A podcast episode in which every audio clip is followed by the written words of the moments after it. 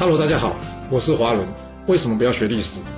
因为学历史会让你了解到顶层阶级的思考方式，成为他们的竞争者，所以他不希望你去学。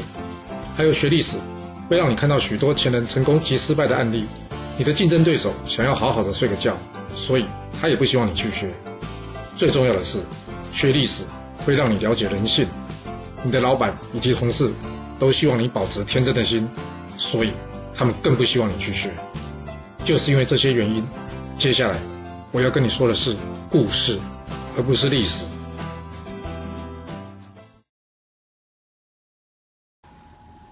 今天主题是多学多艺还是专精一艺？我们刚刚在春秋第七十六节故事中有讲到，这晋国的第一勇将都龙啊，最后被这个匪豹用计所杀。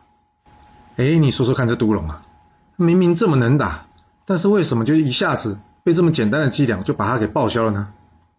我相信这都龙哦，不是历史上第一个，而且呢，也绝对不会是最后一个。这一般的对他的评价可能是：哎呀，这是头脑简单、四肢发达的典型嘛？真的是这样吗？你还记得我们在《爱故事春秋》第二十七跟二十八集有讲到这晋惠公的大臣细瑞还有吕医生那段故事吗？他们两个应该不算是头脑简单、四肢发达的吧？那为什么最后的下场也是落得人头落地呢？那是因为他们坏，所以有报应吗？你可以这么说啊，但我的看法呢，除了这些答案以外，还有一个可能性，那就是什么？人性还有惯性。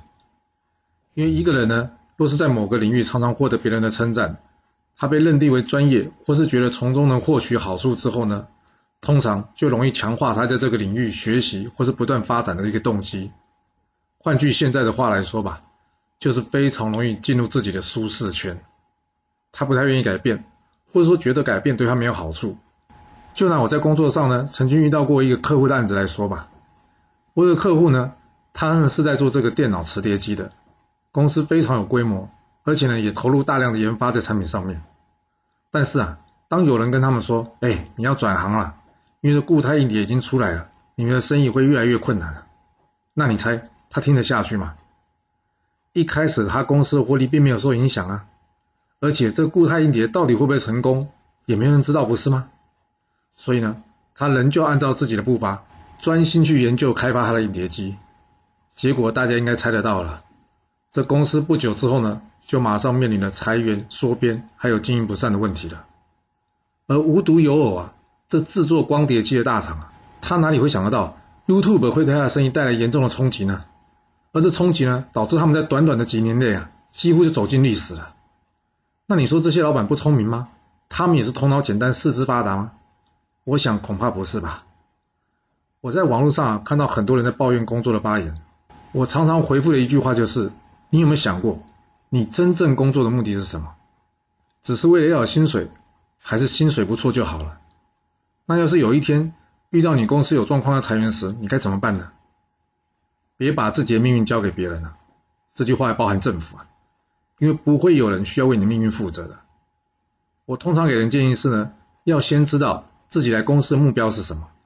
比方说吧，我的工作目标是赚钱，在有了主动收入之后呢，接着透过储蓄、投资等方式，将这些主动收入剩余的部分呢，转成被动收入，而直到最后呢，这个被动收入可以指引我的日常生活。想要走出舒适圈。先有个目标才能走，不是吗？有些人或许一辈子命运都不错，不需要离开舒适圈，但要我们不是这种人，那就必须好好规划了，不是吗？套一句很有名的电影台词啊：“烧饭烧到好，要饭要到老。”你不觉得很奇怪吗？这烧饭手艺好，结果要去要饭，这逻辑不通啊！其实这句话要表达的是什么？就是不要被专业局限自己的眼光，又或是说，一旦进入到这舒适圈了。人就很容易失去方向，最后可能一无所获。所以重点应该不是要专精一艺，或者是多学多艺，而是要什么？先有目标，你说是吧？若你有其他的想法，也欢迎留言分享你的看法给大家哦。好啦，我们今天先说到这。如果你就是不听我的劝，想知道完整版的故事内容，你可以从说明栏找到我爱故事频道的连结。不过记住哦。你是来听故事的，而不是来学历史的。